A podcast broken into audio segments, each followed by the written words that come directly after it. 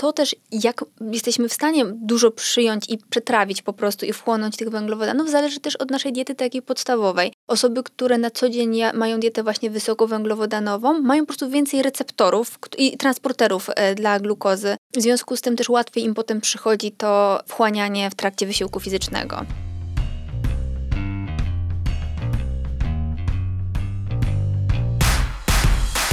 Trening biegowy to skomplikowana układanka, której każdy element wpływa na pozostałe. To sprawia, że nie może być nudny, a ta zabawa praktycznie nie ma końca. Właśnie o tym rozmawiam w RacePace, podcasty o bieganiu.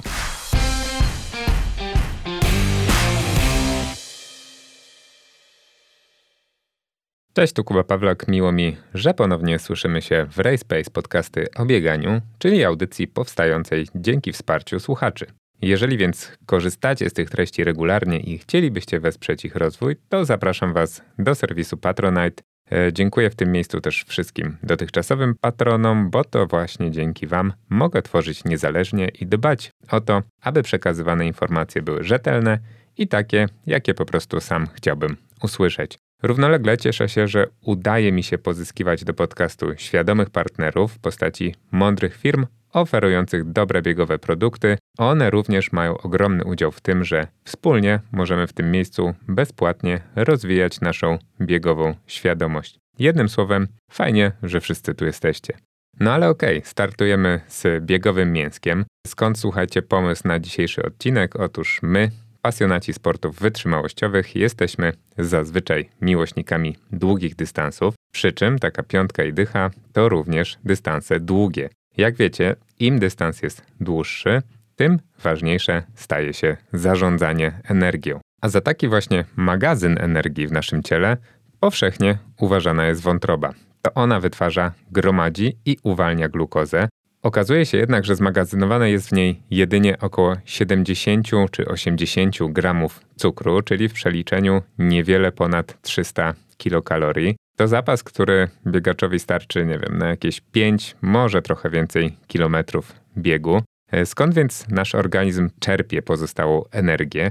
Ile i w jaki sposób możemy mu jej skutecznie załadować przed startem, a jak uzupełnić ją w trakcie? W jakich proporcjach wreszcie jest on w stanie wykorzystać poszczególne substraty w zależności od intensywności wysiłku i co z tych procesów można usprawnić, czy można w ogóle świadomie przekierować nasz organizm na większe wykorzystanie alternatywnych źródeł paliwa, Pytań jest bardzo wiele już na początku, a jeżeli temat jest złożony, a rzecz tyczy się energetyki, to gościem odcinka nie mógł być nikt inny jak Zosia Piotrowicz, czyli dietetyk sportowy z ogromnym doświadczeniem, ale również bardzo szeroką wiedzą fizjologiczną, która mam nadzieję pozwoli nam dzisiaj pogmerać trochę w meandrach i nauki, i praktyki. Cześć Zosiu. Cześć, dziękuję ponownie za zaproszenie. Zosia, zaryzykuję na początek takie stwierdzenie, że słowem, które najczęściej będzie pojawiać się w naszej rozmowie dzisiejszej, będzie cukier. W powszechnym przekazie słyszy się często takie zdanie, że cukier to biała śmierć lub cukier uzależnia szybciej niż używki i nie mam tutaj na myśli ani kawy, ani herbaty. Tymczasem my, biegacze, patrzymy na naszych kenijskich idoli, e, zerkamy w badania nad ich dietą i okazuje się, że tam 80% spożywanych pokarmów stanowią właśnie węglowodany, a w tym w większości cukry, cukry proste, no i zwykły taki stołowy cukier. No i robi się taka mała konsternacja, bo jak zestawić w ogóle te dwie informacje, gdzie jest prawda? Prawda jest taka, którą fajnie, że dodałeś, że cukry to są węglowodany, to jest to samo. Co innego to są cukry proste, natomiast niestety w takim obiegowym e, slangu dietetycznym często cukry rozumiane są jako te cukry proste, a to, a to jest zdecydowanie błąd. Cukry proste to jest glukoza i fruktoza, którą naturalnie możemy znaleźć na przykład w owocach czy w miodzie, a złożone z tych takich dostępnych nam pokarmów to skrobia. Problemem jest tylko to, że źródłem tej skrobi mogą być lepsze bądź gorsze produkty. I te lepsze produkty to są właśnie produkty zbożowe, nisko przetworzone, czyli wszystkie te tak zwane pełnoziarniste i razowe pieczywa, kasze, ryże, makarony itd. Tak Natomiast ta sama skrobia znajduje się też w produktach wysoko przetworzonych, na przykład z mąki takiej oczyszczonej, czyli białe pieczywo, biały chleb. Natomiast zdecydowana różnica jest w procesie trawienia po prostu skrobi z takich produktów. W tych produktach e, przetworzonych, w tych produktach e, z białej mąki oczyszczonej, po prostu enzymy mają bardzo łatwą drogę do rozcinania tych cząsteczek e, skrobi, ponieważ nie ma tam błonnika i ten proces trawienia jest zdecydowanie szybszy. Natomiast w przypadku produktów pełnoziarnistych ten proces trwa dłużej, mamy więcej błonnika, w związku z tym nie ma szybkiego po prostu wzrostu poziomu glukozy we krwi po takim produkcie. Natomiast jeśli chodzi o faktycznie dietę już tutaj Kenijczyków, to zgadzam się z tym, bo i tak pokazują badania, było takie przeprowadzone badanie obserwacyjne właśnie, co je elita mm, Kenijczyków, jeśli chodzi o, ma, o maratończyków i faktycznie wyliczono, że 80% to węglowodany. Mogę to też potwierdzić z praktyki, ponieważ nasi kadrowicze, którzy jeżdżą e, do Kenii na zgrupowania, bardzo często narzekają, że jest mało mięsa po prostu w, e, w, tych, e, w menu i ona bazuje przede wszystkim na właśnie produktach zbożowych, na różnych plackach, plackach kukurydzianych, na owocach itd.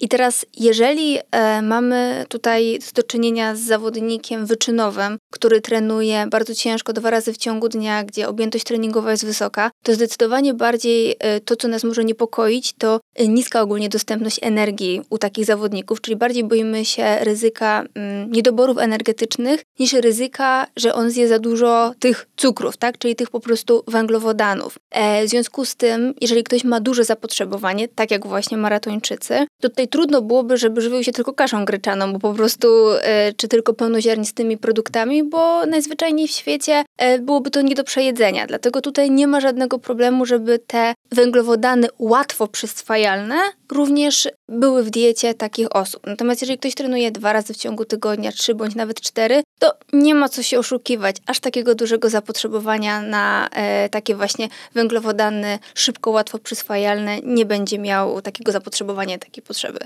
Wiem, że starasz się od początku e, mówić językiem przystępnym i upraszczać i nie wchodzić bardzo głęboko w jakąś terminologię. Dzisiaj odrobinę będziemy musieli, żeby to wszystko wyjaśnić precyzyjnie, ale mi zabrakło tutaj jednego terminu, bo powiedziałaś, że jest glukoza, jest fruktoza, pozostałe te cukry to głównie skrobia, a ja tak nie wiem, czy dobrze kojarzę, nie wiem, czy dobrze pamiętam, ale ten właśnie cukier prosty, taki cukier stołowy po prostu, który mi mm, wiem, że ci Kenijczycy bardzo mocno słodzą sobie na przykład napoje, tak, bo czytałem, widziałem, słyszałem o tym, że większość tych rozbiegań takich porannych, które robi się w Kenii e, właśnie po to, żeby jeszcze uciec przed e, mocnym światłem słonecznym, przed temperaturą, e, one są robione tak faktycznie o poranku, o poranku.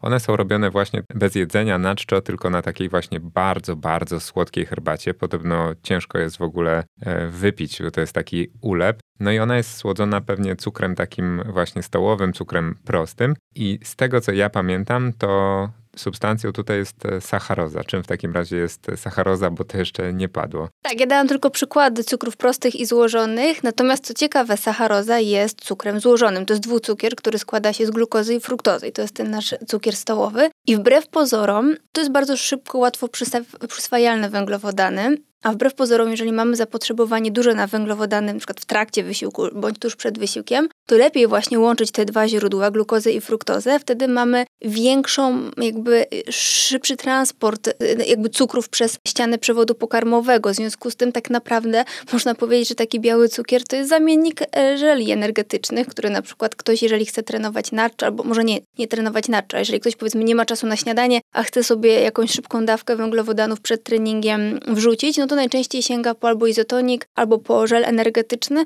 Jeżeli sięgnie po bardzo słodką herbatę, to praktycznie będzie to samo. Jeżeli sacharoza to glukoza i fruktoza, to mi od razu e, przychodzi do głowy takie chodzące zło, syrop glukozowo-fruktozowy, to czego wszystkie mamy i rodzice kupując e, dzieciom słodycze, tacy bardziej świadomi, e, unikają jak, jak ognia. I może to będzie właśnie wstęp do następnego pytania, bo skoro bawimy się trochę w takich pogromców mitów, to właśnie krążą też takie obiegowe teorie o rzekomo złym i dobrym cukrze. Czy jest e, w ogóle w tej legendzie jakieś e, źdźbło prawdy? Bo z tego co ja kojarzę, to modny właśnie kiedyś cukier trzcinowy e, różnił się od naszego białego stołowego buraczanego. Różniły go tak naprawdę dwie rzeczy. Po pierwsze roślina, z której pochodził i czemu zawdzięczał inny kolor oraz no, wyższa cena, która wynikała głównie z nakładanych ceł bo jego wyprodukowanie było równie tanie, jeżeli nie w ogóle tańsze, a substancja to właśnie ta sacharoza, o której mówiliśmy, czyli była identyczna z punktu widzenia żywienia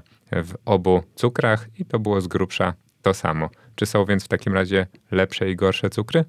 Mm, nie, jeśli mówimy o tych cukrach do słodzenia, tak, czyli właśnie na przykład brązowy cukier trzcinowy czy zwykły z buraka cukrowego, to jest dokładnie to samo, różni się tylko kolorem, być może trochę smakiem. I tutaj też często jest taka pułapka, że jeżeli ktoś myśli, że cukier taki trzcinowy jest zdrowszy, to może sobie go nawet więcej wrzucić, prawda, do takiej herbaty czy do jakiegoś deseru, bo wydaje mu się, że to jest po prostu zdrowsze, więc może jeszcze bardziej sobie zaszkodzić tą, tą zamianą.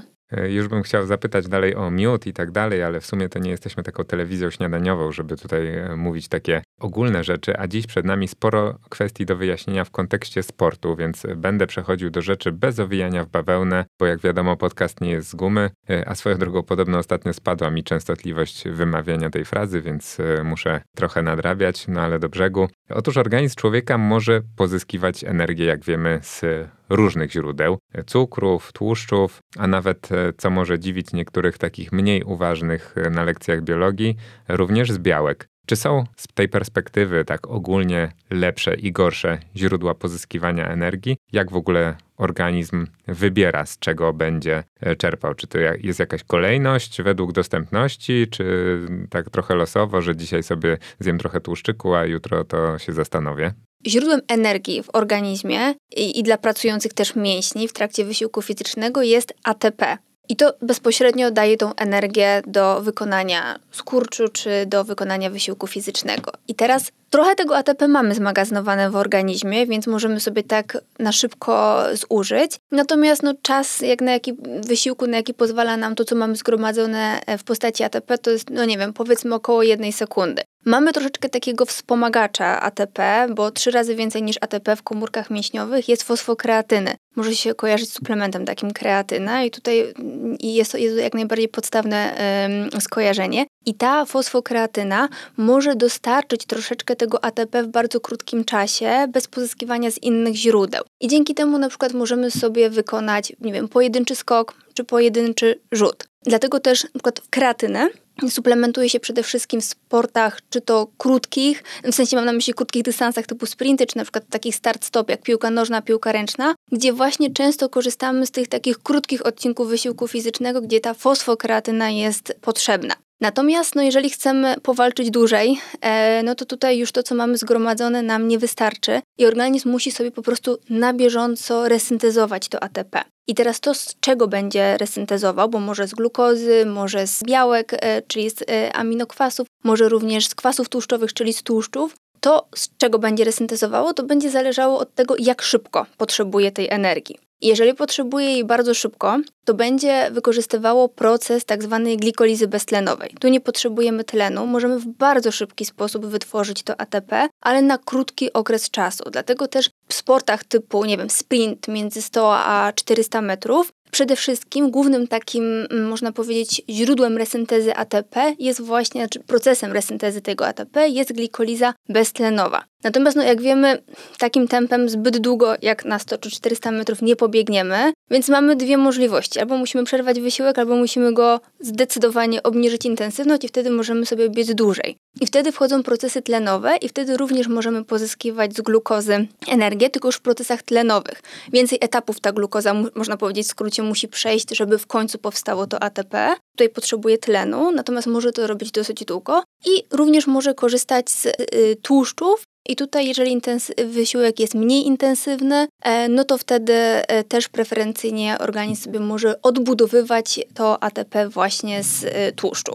Kombinuję sobie tak, y, zgodnie z tym, co mówisz, że im niższa intensywność wysiłku, tym przechodzimy najpierw od procesów beztlenowych po procesy tlenowe, jak jest spokojniej, a jak jest już w ogóle super spokojnie, no to wtedy powolutku sobie organizm się z tłuszczyku. Y, no to idąc tym takim myślenia, można by było powiedzieć, chłopie, chcesz schudnąć z tłuszczu, chcesz zgubić brzucha, to siedź na kanapie. Tak, znaczy nie do końca jest też tak, że te procesy na, zachodzą jedna po drugim, czyli najpierw mamy proces beztlenowy, potem tlenowy i tak dalej Tak naprawdę już od momentu startu zaczynają się wszystkie procesy uruchamiać, i te tlenowe, i te beztlenowe. Tylko chodzi o to, że w przypadku danej charakterystyki wysiłku dominuje któryś z nich po prostu, tak? Czyli w sportach takich wytrzymałościowych dominują procesy tlenowe w pozyskiwaniu tego ATP, a w tych e, sportach takich e, krótkich, sprint typu sprint, dominują te beztlenowe. Natomiast już nie wchodząc właśnie w te e, typowo biochemiczne tutaj zagadki, to, co powiedziałaś, zgadza się. Najlepiej spalamy tłuszcz w spoczynku bądź w bardzo takim niskointensywnym, powiedzmy, marszu, tak, czy biegu, ale chodzi o to, ile my go będziemy spalać. Bo co z tego, że sobie preferencyjnie organizm będzie wykorzystywał tłuszcze, jak energetycznie będzie wykorzystywał tego bardzo mało, więc my nie schudniemy po prostu e, w wyniku siedzenia, prawda, bądź leżenia. W związku z tym, jeżeli mamy na myśli chudnięcie, czyli tracenie tkanki tłuszczowej, to liczy się wydatek energetyczny, czyli najbardziej odchudzi nas ten sport, który najwięcej spowoduje największy wydatek energetyczny. No tak, kiedyś już pamiętam, że sobie to trochę rozkminialiśmy. Skoro powiedzieliśmy, jak organizm czerpie energię ze zgromadzonych zapasów, no to e, dowiedzmy się też, jak wygląda proces odwrotny, czyli magazynowanie. Kiedy nadwyżka cukru przemieniana jest w tłuszcz i ile cukru w postaci gotowej do użycia jako takie super wysokooktanowe to paliwo pierwszej potrzeby, o którym mówiłaś, e, możemy mieć w baku. To znaczy, czy to w ogóle jest jeden bak, gdzie to wszystko jest schowane, jeżeli chodzi o ten cukier? Cukier, a także pozostałe makroskładniki, czyli... Tłuszczyk wiemy, gdzie jest schowany, tak. bo, to, bo to widać, ale gdzie jest cukier?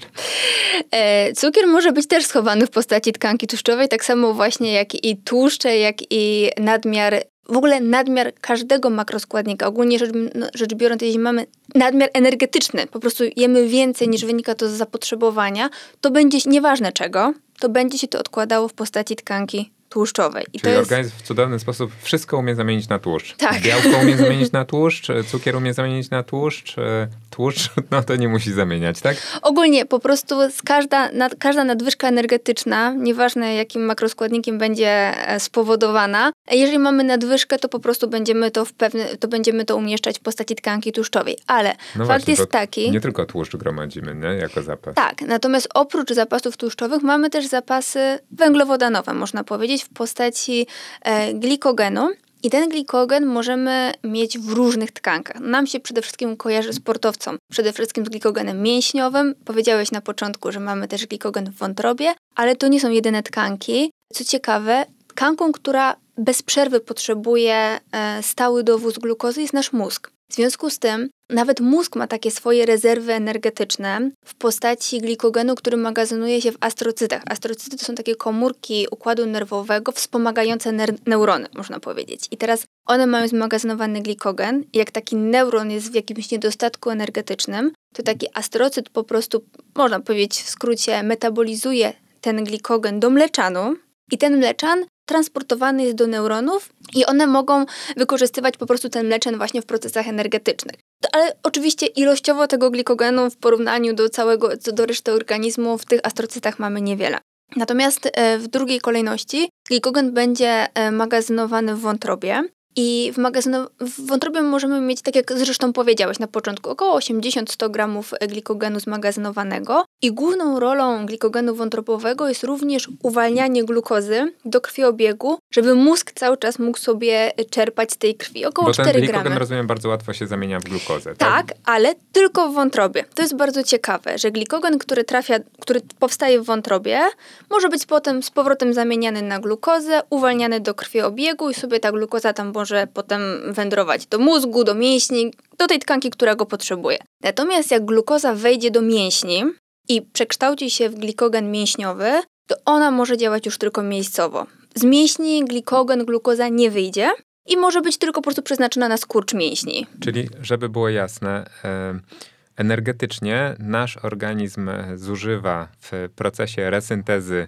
ATP glukozę, żeby wytworzyć sobie energię, powiedzmy, mózg potrzebuje energii. W wątrobie zgromadzony jest glikogen, no to jak mózg wysyła sygnał, hej, potrzebuje więcej energii, to wątroba przerabia go na glukozę, glukoza płynie z krwią, krwiobiegiem do mózgu I tam w jaki sposób jest wytwarzana? Z powrotem zamieni się w glikogen, czy bezpośrednio w postaci glukozy? Bo powiedziałaś przed chwilą, że w mięśniach po tej zamianie w glikogen mięśniowy no już jakby inna transformacja nie zajdzie, więc rozumiem, że tam w procesach pozyskiwania energii substratem jest sam glikogen, a jak jest w przypadku e, mózgu, tam trafia glukoza, żeby znów zamienić się w glikogen, czy, czy nie? Dokładnie nie o to chodziło. Chodziło mi o to, że glukoza, która wejdzie do mięśni, może być zamieniana na energię już tylko dla tych mięśni. Natomiast proces w każdej komórce, która ma mitochondrium, proces wygląda tak samo. To znaczy z glukozy, glukoza w postaci, jeżeli ma odpowiednią ilość tlenu,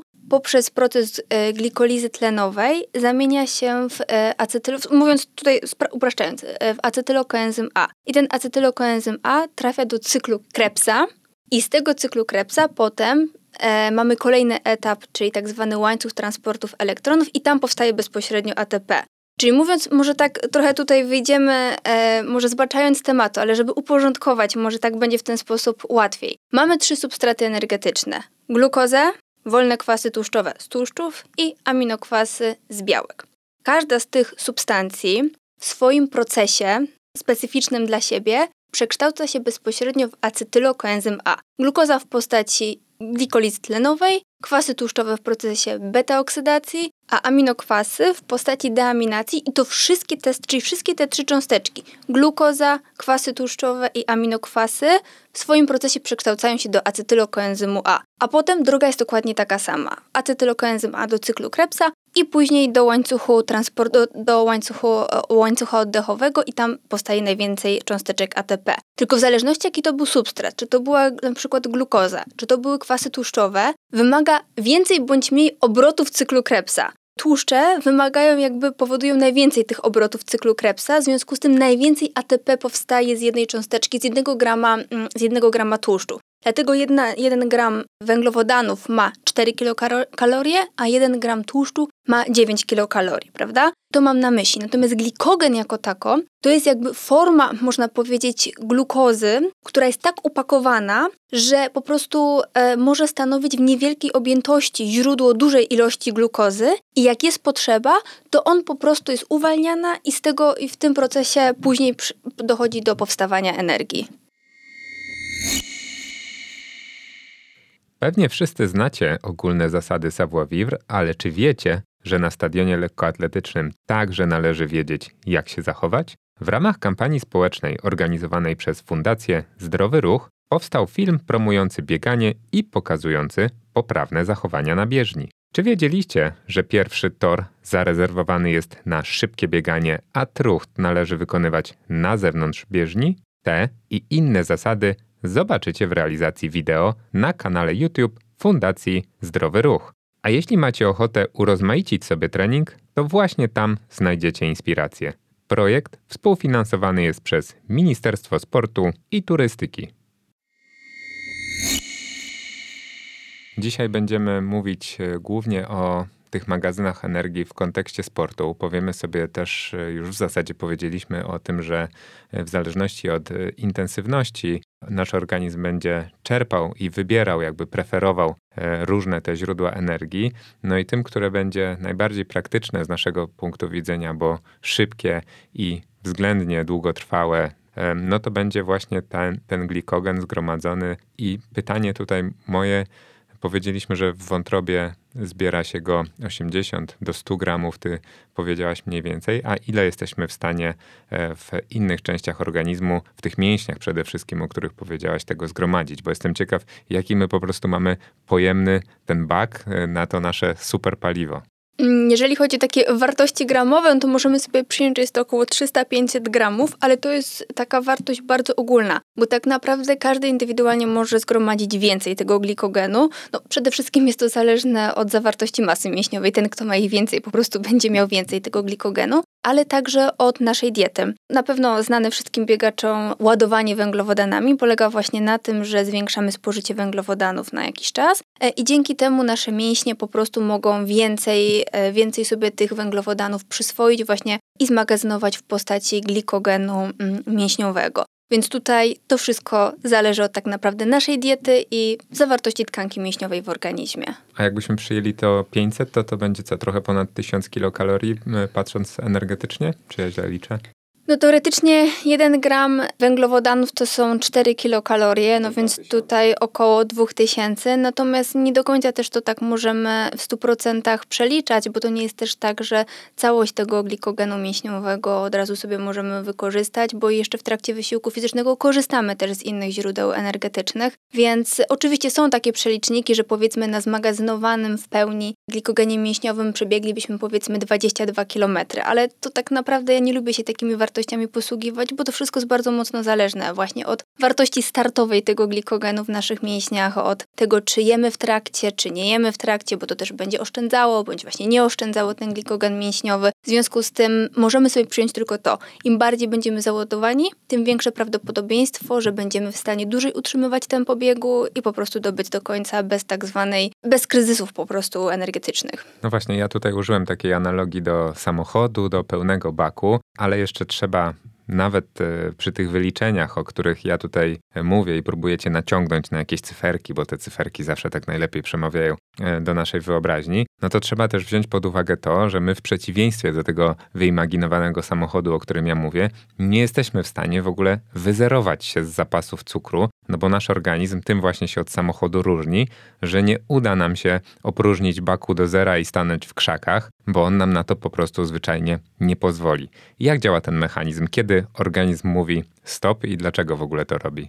To, jak możemy się wyzerować tego glikogenu, jest bardzo zależne od intensywności wysiłku, bo jeżeli na przykład wykonujemy wysiłek tutaj fizjologicznie, posłużę się takim e, sformułowaniem jak wysiłek jest supramaksymalny, czyli powiedzmy jest powyżej 100% naszego VO2 max, czyli jesteśmy to bardzo krótko w stanie e, wykonać taki wysiłek fizyczny, no to możemy nawet w ciągu kilku minut czy do kilkunastu minut opróżnić się powiedzmy w 80% z naszego glikogenu mięśniowego. Natomiast jeżeli będziemy sobie truchtać, to i możemy truchtać przez 3 godziny, a i tak do połowy cały czas będziemy załadowani, jeśli chodzi o glikogen mięśniowy, więc to wszystko zależy po prostu od intensywności. Im ona jest wyższa, tym szybciej po prostu uszczeplamy te zasoby glikogenu.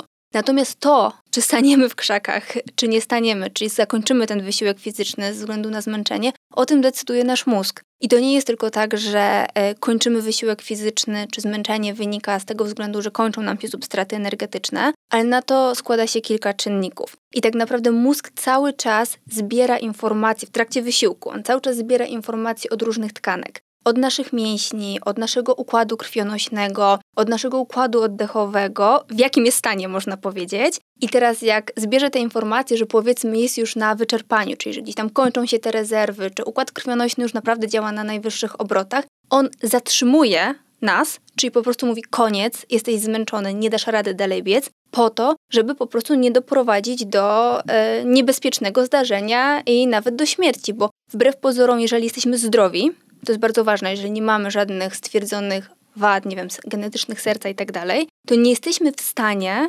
doprowadzić do takiego wysiłku, który spowoduje u nas śmierć, bo mózg nas wcześniej po prostu wyłączy.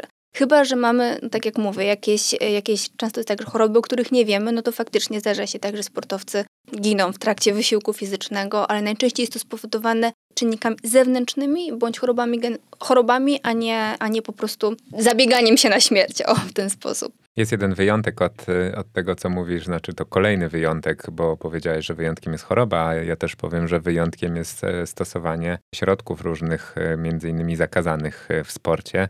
Dlatego tutaj szczególnie apel do osób, które chciałyby iść na skróty. Ja nie będę oczywiście e, rozwijał się tutaj, bo dzisiaj temat odcinka jest inny, ale e, również niektóre środki dopingujące mogą w ten sposób zadziałać, że z tej energii faktycznie się wyzerujemy i nasz mózg nie zdąży powiedzieć stop i nie zostawi sobie energii na podtrzymanie podstawowych funkcji życiowych. I to też e, może się skończyć źle i również jest ryzykiem.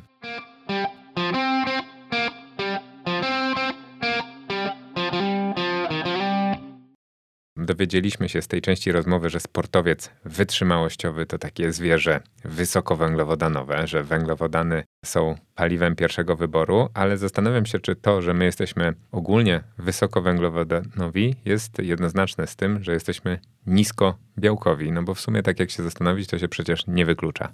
Nie, to prawda. Tylko jaka jest różnica? Zapotrzebowanie na białko jest w miarę stałe u sportowców wytrzymałościowych. No powiedzmy, że waha się ono, e, to zapotrzebowanie od 1,4 do, no powiedzmy, 2 gramów na kilogram masy ciała. I to nieważne tak naprawdę od tego, tutaj jakby można powiedzieć, że intensywność czy objętość treningowa aż tak nie ma wpływu na zapotrzebowanie na białko, jak na zapotrzebowanie e, w kwestii węglowodanów. I teraz, jeżeli mamy wysokie zapotrzebowanie, ponieważ mamy dużą objętość treningową, dużą intensywność, no to wiadomo, że mamy większe zapotrzebowanie na energię i tą energię powinniśmy właśnie uzupełniać w postaci węglowodanów.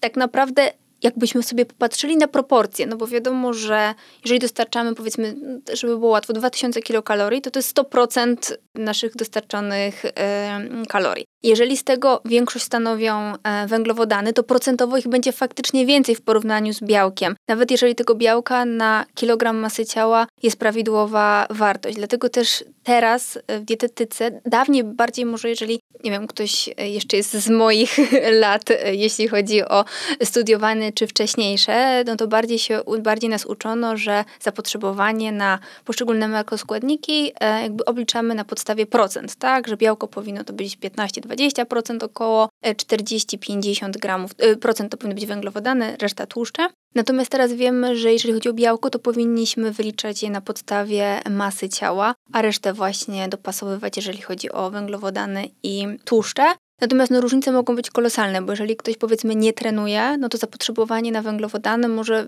no gdzieś tam powiedzmy, że waha się w okolicach 3-4 gramów na kilogram masy ciała. Natomiast jeżeli trenujemy powiedzmy, nie wiem, nawet jedną godzinę dziennie, no to zwiększa się już do 5-7 gramów e, na kilogram masy ciała. A u osób, które na przykład u triatlonistów, którzy 3 godziny dziennie to jest standard, jeśli chodzi o czas poświęcony na trening, no tutaj ta zawartość powinna być nawet w okolicach 9, 10, a nawet i 12 gramów na kilogram masy ciała, więc to już jest wyzwanie.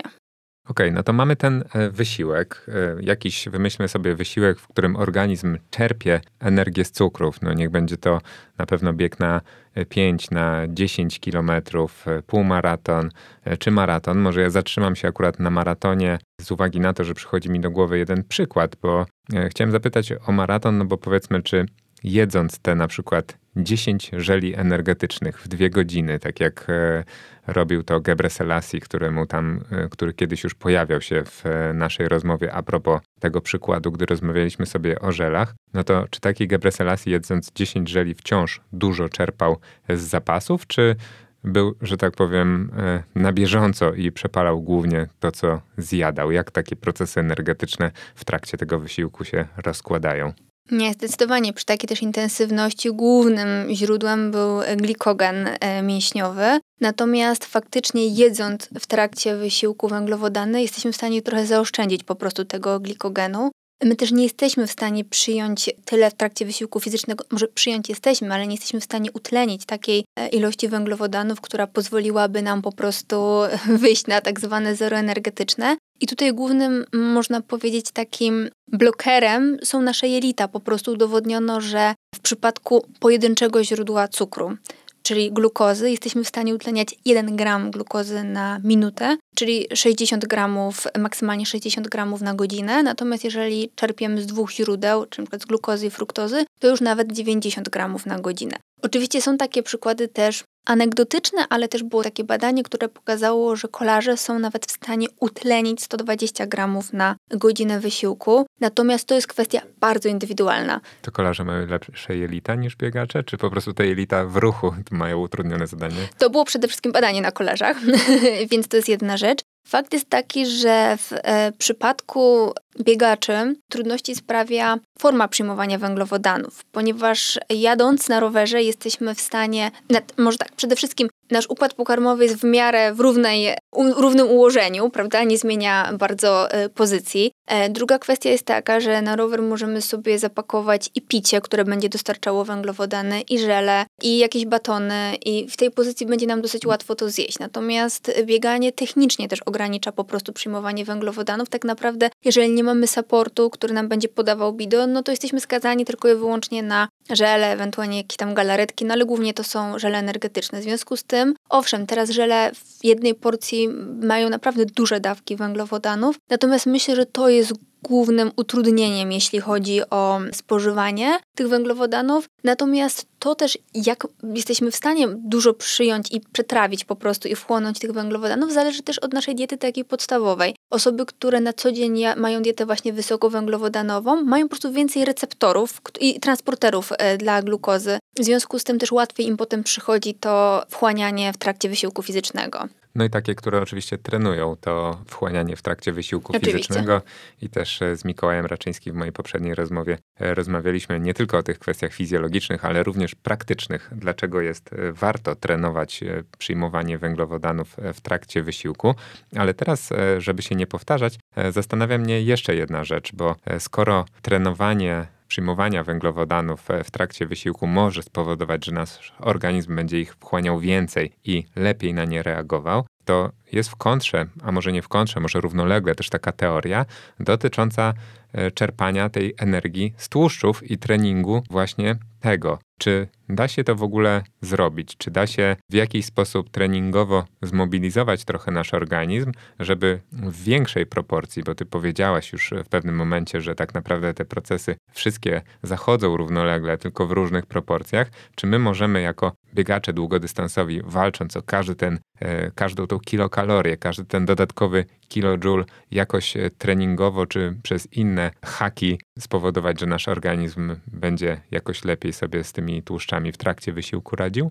Jesteśmy w pewien stan, w stanie sposób przesunąć granice, można powiedzieć, e, utleniania czy wykorzystywania tłuszczów, tak od początku mówiąc. Tak jak mówiłam, organizm sobie najlepiej radzi z utlenianiem tłuszczów, jeżeli intensywność nie jest wysoka. Natomiast jeżeli byś mnie zapytał, przy jakiej intensywności jest, powiedzmy, nie wiem, idealne wykorzystywanie tłuszczów e, jako zapas energii, jak, jako źródło energii, to tutaj no, powiedzmy, że tak średnio jest to około 60-60 w trakcie wysiłku fizycznego, oczywiście 60-60% naszego tętna maksymalnego. Ale to jest taka bardzo uśredniona taka wartość, y, która może się mocno właśnie zmieniać, bo są osoby, które będą utleniać tłuszcze y, w trakcie wysiłku intensywności powiedzmy 70% y, tętna wysiłkowego maksymalnego. I to, co możemy robić poprzez tak zwany trening na czczo, to przesuwać troszeczkę tą granicę. I jakby w teorii to wszystko się zgadza i brzmi super pięknie.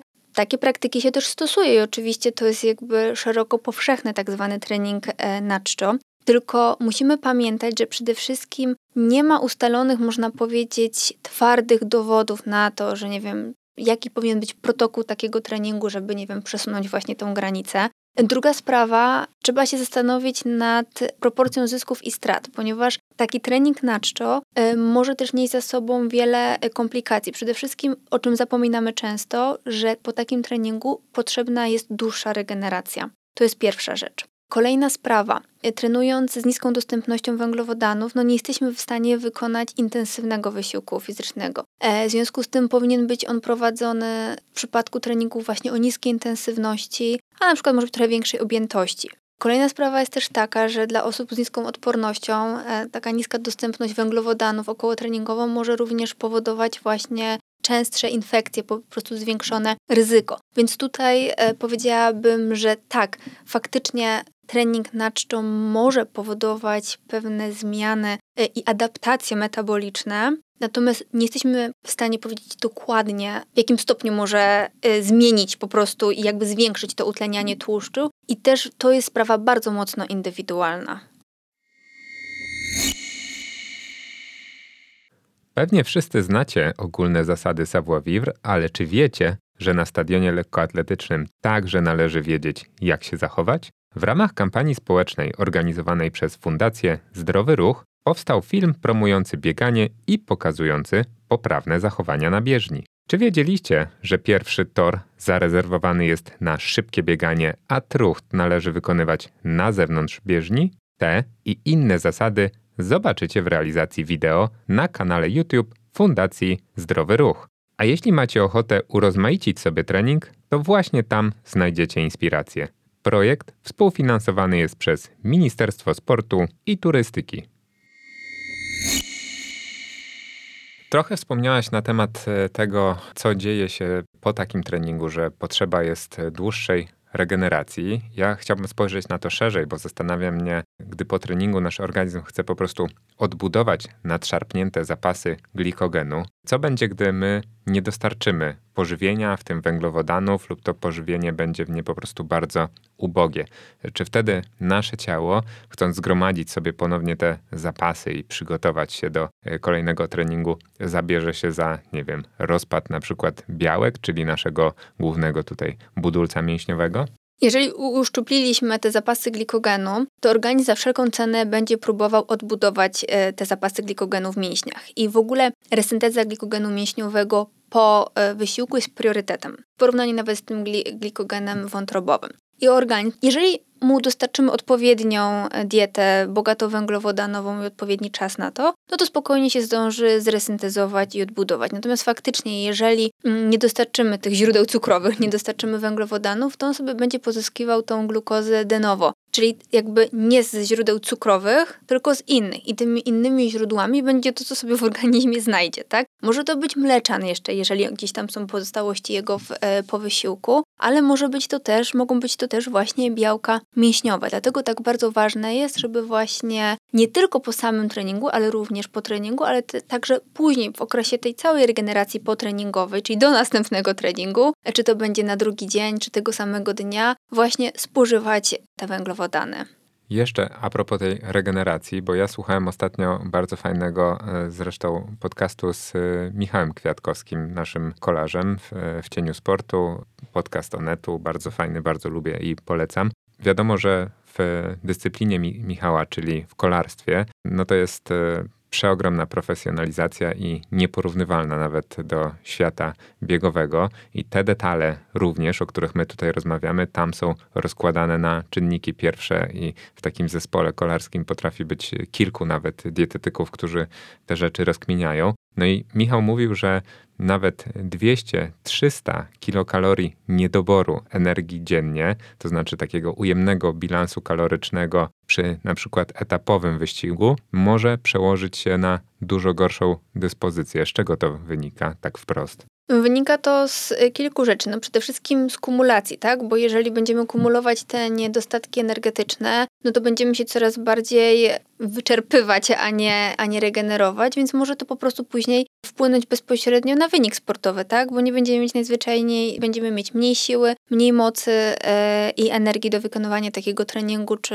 właśnie jakiegoś e, etapu zawodów, e, więc e, no przede wszystkim to, prawda? I też jeżeli jednorazowo powiedzmy mamy gdzieś ten niedobór, to chociaż właściwie to nawet jednorazowy niedobór energetyczny może spowodować już pewne konsekwencje, nawet w układzie hormonalnym, a wiadomo, to wszystko się potem przełoży na wysiłek fizyczny, ale jeżeli nam się to kumuluje, to może doprowadzić po prostu do niedoborów energetycznych, takich e, długotrwałych, które mogą e, później w konsekwencji prowadzić do szeregu zmian takich niefizjologicznych, w sensie chorobowych, tak, jak może obniżyć gęstość mineralną kości, czy zaburzyć właśnie funkcjonowanie układu hormonalnego, e, co bezpośrednio może wpływać na dyspozycję sportową, tak, więc tutaj ważne jest nie tylko to, co jest długoterminowo, ale też krótkoterminowo.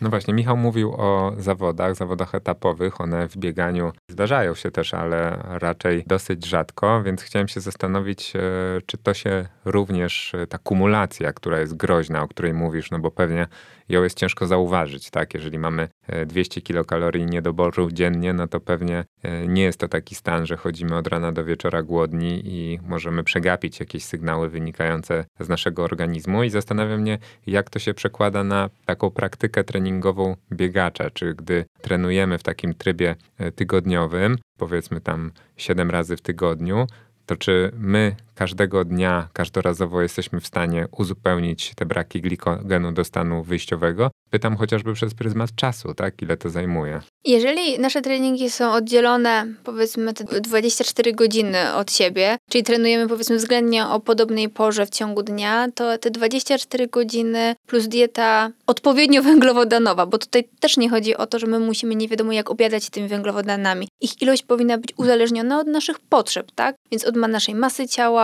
od tego, jaki jest nasz cel, czy chcemy schudnąć, czy chcemy przytyć, czy nie chcemy ani schudnąć, ani nie przytyć, tylko chcemy być na tak zwanym zerze, więc te wszystkie czynniki są istotne. Ale w kontekście takiej regeneracji, jeżeli mamy właśnie dietę wysokowęglowodanową, odpowiednio dostosowaną do naszego trybu życia i ten trening jest w przerwie 24-godzinnej, to spokojnie nie musimy się o nic szczególnego y, obawiać. Gorzej, jeżeli e, te treningi są bardziej zbliżone do siebie, na przykład mamy dwie jednostki w ciągu dnia albo jedną jednostkę wieczorem, a potem zaraz następnego dnia, no to tutaj faktycznie powinniśmy zastosować pewne praktyki, które pomogłyby nam przyspieszyć tą resyntezę glikogenu. To o tych praktykach sobie jeszcze za chwilę porozmawiamy, e, ale jestem ciekawy, bo przy takim codziennym treningu my codziennie zazwyczaj nie trenujemy ciężko, bo to by nie miało sensu i i raczej pozytywnie na naszą formę biegową by nie wpłynęło, to powiedziałaś, że taki interwał 24-godzinny między treningami to jest wystarczająco, żeby bez przykładania jakiejś tam super szczególnej wagi, tylko jedząc rozsądnie. Rozsądnie wysokowęglowodanowo, tak? Tak, mhm. wysokowęglowodanowo, e, zresyntezować ten glikogen i wszystko tam sobie e, załadować to paliwo na następny trening. Mi gdzieś mignęło, że przy takim poważniejszym treningu, cięższym treningu, do pełnego załadowania być może jest nam nawet potrzebne 36 godzin i to już mi się wydaje dosyć długo. To prawdziwa informacja? Czy jest to kwestia indywidualna, wszystko zależy od tego, jaki to był trening, tak? Bo jeżeli robiliśmy, nie wiem, mm, trening powiedzmy objętościowy w postaci, nie wiem, 30 kilometrów, no to wiadomo, że i to zazwyczaj tak jest, tak, że po takim treningu e, maratończycy, czy w ogóle biegacze, tak, jeżeli mają jakiś taki intensywny objętościowo, to na drugi dzień mają coś innego, prawda? No nie powtarzają drugi raz tych 30 kilometrów, tylko czy mają jakiś właśnie dzień regeneracji, bądź dzień z lekkim treningiem, bo to też wszystko od tego zależy, prawda? Nie zawsze aż takie wielkie zasoby tego glikogenu będą nam potrzebne na każdy trening, więc tutaj nie można powiedzieć jednoznacznie. E, w związku z tym, no to jest sprawa e, bardzo indywidualna, ale faktycznie, no ta synteza glikogenu e, zależy przede wszystkim od naszej diety, czyli ile tych węglowodanów przyjmujemy i oczywiście od, od czasu. W jednym z takich amerykańskich biegowych podcastów usłyszałem taką informację a propos tego, co mówimy, że regeneracja po dwugodzinnym rozbieganiu to około 24 godziny odpoczynku z dietą węglowodanową około 10 gramów na kilogram masy ciała. Mi się to trochę wydaje niewiarygodne, no bo tak jak sobie wyobrażam, no to jest prawie worek cukru. No zależy na jakiej to było intensywności, bo tak jak mówiłam... Nie, mówi, tam była mm. mowa o spokojnym rozbieganiu. Okej, okay, no to tutaj myślę, żeby trzeba było się posłużyć tym i na jakim procencie to było, nie wiem, intensywności, czyli VO2 max bądź no tętna, bo to bardziej przystępne dla, e, dla osób trenujących, bo umówmy się, no jeżeli ten trening nie był mocno intensywny, to my połowę tylko z, z glikogenu, który mieliśmy, zachowamy, tak? Czy tam powiedzmy trochę mniej niż połowę. Więc to tutaj to też taka jest prawda, że wszystkie badania, czy wszystkie gdzieś tam, nie wiem, obserwacje może nie wszystkie badania, natomiast większość obserwacji polega na obserwacji. To znaczy, żeby stwierdzić, ile my glikogenu tracimy tak naprawdę, to powinniśmy robić biopsję mięśniową, bo tylko wtedy będziemy wiedzieć, ile faktycznie go uszczupliliśmy. Więc my oczywiście bazujemy na tych badaniach, które były z przeprowadzaniem biopsji mięśniowej. Natomiast, tak jak mówiłam, to jest kwestia indywidualna i nie mogę powiedzieć, czy to prawda, czy nieprawda, tak? Bo to zależy od wielu czynników jak usłyszałem tamtą informację, której, tak jak mówisz, do końca nie potwierdzasz, że te 10 gramów na kilogram masy ciała byłoby potrzebne, żeby to... To znaczy, nie, nie, że nie potwierdzam, bo tak mówię, to zależy, no prawda? No tak. Jakby faktycznie, Jak każdy żeby... dobry specjalista. Więc jakby faktycznie dieta, która ma, nie wiem, 10 gramów węglowodanów na kilogram masy ciała, to jest na przykład dieta, którą stosujemy podczas ładowania węglowodanami. Wtedy wiemy, że ta superkompensacja glikogenu powinna mieć miejsce, tak? Natomiast trudno mi jest się odnieść do takiego faktu, że dwie godziny potrzebują 36 godzin, prawda? Bo to zależy. Jasne. W każdym razie z tą ilością jedzenia, ilością e, węglowodanów, które należy wprowadzić, no to by było i dla wielu, myślę, biegaczy jest e, duże wyzwanie, bo nie każdy ma takie parcie na jedzenie e, biegając. Wielu zawodników, wielu biegaczy, amatorów ma taką naturalną inklinację do słodyczy, do cukrów, do takich rzeczy, które na pewno szybko pozwalają im ten bilans kaloryczny uzupełnić, czasem nawet za szybko, jak przeceniamy tę swoją utratę. Ale chciałem się zapytać, czy ma to jakieś znaczenie, jeżeli chcemy naprawdę ten proces zoptymalizować, chcemy się szybko zregenerować, to czy ma to znaczenie, czy my, nie wiem, wprowadzimy sobie jak najszybciej te te węglowodany y, i zrobimy to, że tak powiem, na raz albo na dwa razy, czy będziemy sobie przez te 24 godziny małymi porcyjkami gdzieś tam podjadać, to wyjdzie nam na to samo? Tak sobie kminia teraz, że być może na przykład też nasze jelita, tak jak powiedziałaś, ograniczają nas w przypadku przyjmowania w trakcie wysiłku, no to być może tutaj też one tak na raz to by nie mogły tego po prostu strawić. Znaczy, przede wszystkim nie należy przesadzać, bo to wszystko zależy od tego, po co my się chcemy szybko zregenerować i czy jest taki sens, bo tak jak mówiłam, jeżeli mamy jeden trening dziennie, to naprawdę nie trzeba żadnych e, praktyk, bo skończy się na tym, że po tym podcaście każdy pójdzie do cukierni i zacznie zajadać się e, węglowodanami, a tak nie jest, bo przeciętnie e, biegająca osoba, nie wiem, 5, nawet 6 razy w tygodniu, jej zapotrzebowanie na węglowodany to będzie, nie wiem, powiedzmy 6 gramów na kilogram masy ciała, czasami nawet mniej. Więc tutaj też nie przesadzajmy z tym, bo my mówimy o sytuacjach na przykład wyczynowych e, maratończyków, którzy mają powiedzmy dwa treningi w ciągu dnia. Natomiast faktycznie, jakby patrząc z punktu widzenia fizjologicznego, jeżeli chcemy przyspieszyć resyntezę glikogenu mięśniowego, czyli i jest to potrzebne wtedy, jeżeli mamy dwie jednostki w ciągu dnia, bądź jedną jednostkę wieczorem, a drugą kolejnego dnia, to faktycznie, jeżeli po takim treningu podamy węglowodany, dokładnie w ilości około 1,2-1,4 gramy na kilogram e, masy ciała na godzinę E, wysiłku i tak przez każdą godzinę, to faktycznie zdecydowanie przyspieszymy ten proces resyntezy glikogenu mięśniowego. I teraz jak to przełożyć na praktykę? Bo zależy z kim mamy do czynienia. Jeżeli mamy do czynienia z osobą trenującą wyczynowo, która nie pracuje, to może sobie przyjąć taką taktykę, tak? Wraca po treningu do pokoju, je jedną przekąskę, drugą, może to mieć wyliczone i może sobie tak do kolejnego treningu działać. Natomiast jeżeli my mamy osobę, która trenuje dwa razy w ciągu dnia, a pomiędzy tymi dwoma treningami jest w pracy, przy okazji jeszcze odbiera dzieci ze szkoły i z przedszkola i gotuje obiad, no to umówmy się, że będzie to w praktyce nierealne do zrobienia. Dlatego tutaj można sobie wykorzystać część jakby tej taktyki, czyli żeby do godziny po wysiłku, a nawet jeszcze szybciej, przyjąć posiłek, który będzie zawierał właśnie te powiedzmy 1,4 gramy węglowodanów na kilogram masy ciała, e, jako taki booster, można powiedzieć, po wysiłku, a potem normalnie zwyczajowo może zjeść ta osoba obiad, który ma, zawiera węglowodany, przekąskę, czyli jakby powinna wprowadzać te węglowodany w ciągu dnia, natomiast już nie musi tego robić z dokładnością aptekarską po prostu, ponieważ byłoby to najzwyczajniej w świecie nierealne. To, co czasami proponują jakby gdzieś tam nie każde zalecenia jesteśmy w stanie po prostu zrealizować w normalnym świecie, nie? I to trzeba też przyjąć y, jako normalność. Ja jeszcze dodam, że w normalnym świecie zazwyczaj te osoby, które mają dwa treningi dziennie, to mają albo super męża, albo super żonę, albo super partnera, który odbiera za nie dzieci z przedszkola i ogarnia trzy czwarte e, logistyki.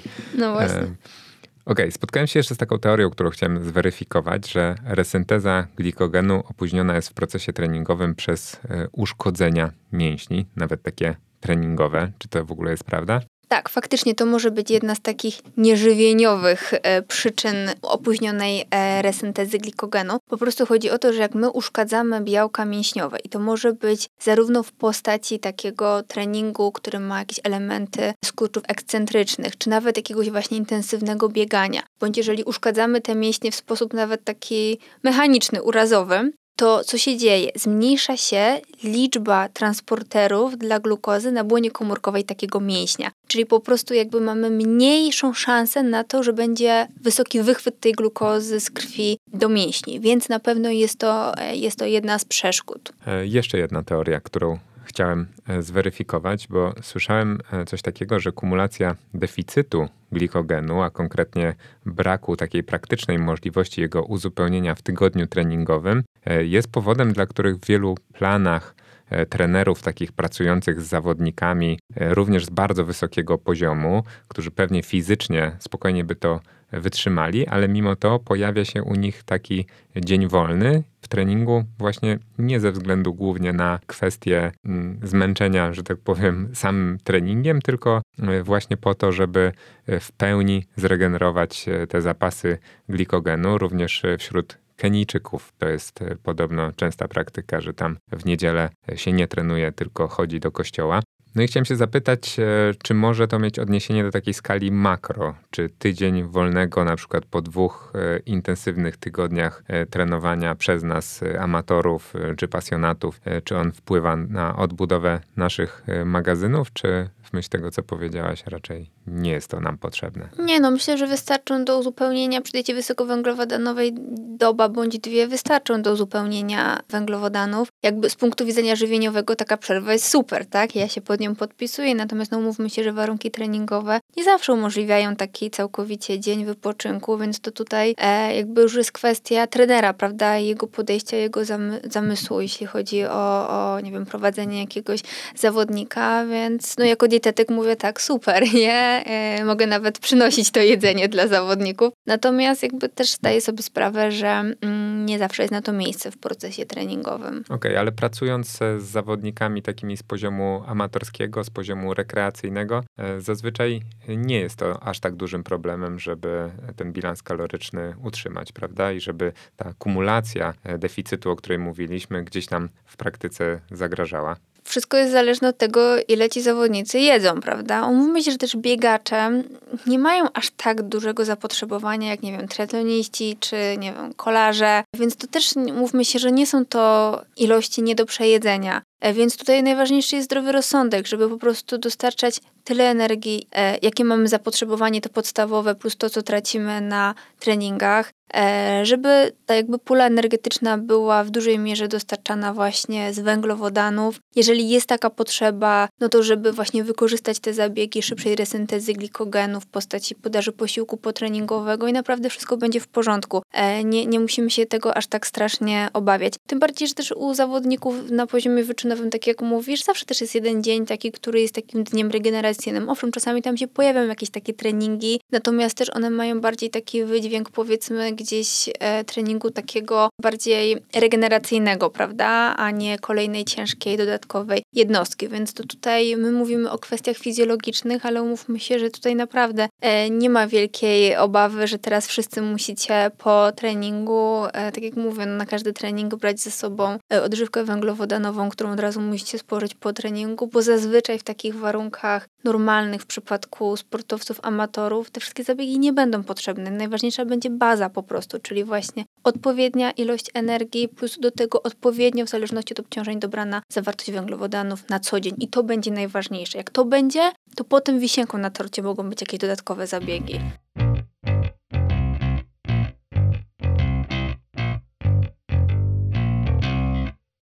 Skoro mówisz, że tutaj nie ma większego wyzwania, no to ucieknijmy na chwilę do świata większych wyzwań. I ja wrócę sobie jeszcze do tej rozmowy z Michałem Kwiatkowskim, bo on opowiadał, że podczas tych wyścigów etapowych lub w trudne dni treningowe powinien przyjmować około 6 tysięcy kilokalorii. Ja się tak właśnie zastanawiam, e, ile to by było na cukier i jakie są wyzwania właśnie z tym związane dla dietetyka. Tak, to jest zupełnie inna historia, bo tutaj raz, że zawody etapowe dużo odbierają z doby na sam, na sam wysiłek i pomiędzy musimy jakoś tak dostarczyć te węglowodany, żeby przede wszystkim ilość energii plus liczba tych węglowodanów była odpowiednio duża. Plus jeszcze dodatkowo musimy dostarczyć w postaci takich źródeł, które będą szybko przyswajalne, będą się szybko trawić, nie będą powodowały problemów żołądkowo-jelitowych. Więc tutaj oczywiście na porządku dziennym wchodzą, już pomijając jakiś biały ryż czy biały makaron, ale różne dodatki w postaci, nie wiem, żelek, właśnie odżywek e, węglowodanów, wodanowych, czy w postaci właśnie różnych drzemów, miodów, prawda, w postaci takiej bardziej naturalnej, więc to wszystko musimy upchać, czyli tutaj ważniejsza będzie gęstość energetyczna, a nie objętość, czyli ograniczamy błonnik, ograniczamy tłuszcz. Mm, zazwyczaj w tych produktach, które są źródłem węglowodanów, one też są źródłem w pewien sposób białka, więc zazwyczaj nawet jeżeli zawodnik przyjmuje 6000 kilokalorii, to białka będzie miał na odpowiednim poziomie. Być może jakość tego białka będzie troszkę gorsza, ale w tym momencie się tym nie martwimy, bo dla nas najważniejsze jest właśnie uzupełnianie tego baku paliwa, czyli właśnie węglowodanów. Więc to jest bardzo duże wyzwanie. A propos, nie pamiętam teraz, czy to był właśnie Kwiatkowski czy Majka, była taka słynna scena, że po wyścigu czekał na niego dziennikarz z mikrofonem, żeby przeprowadzić wywiad, a pierwszy to zauważyliśmy do trenera, który przynosi mu garść żelek, takich zwykłych żelek po prostu spożywczych typu e, Haribo, żeby szybciutko właśnie załadował, to jest to, o czym mówiłam, żeby szybko przyspieszył tą resyntezę glikogenu e, mięśniowego.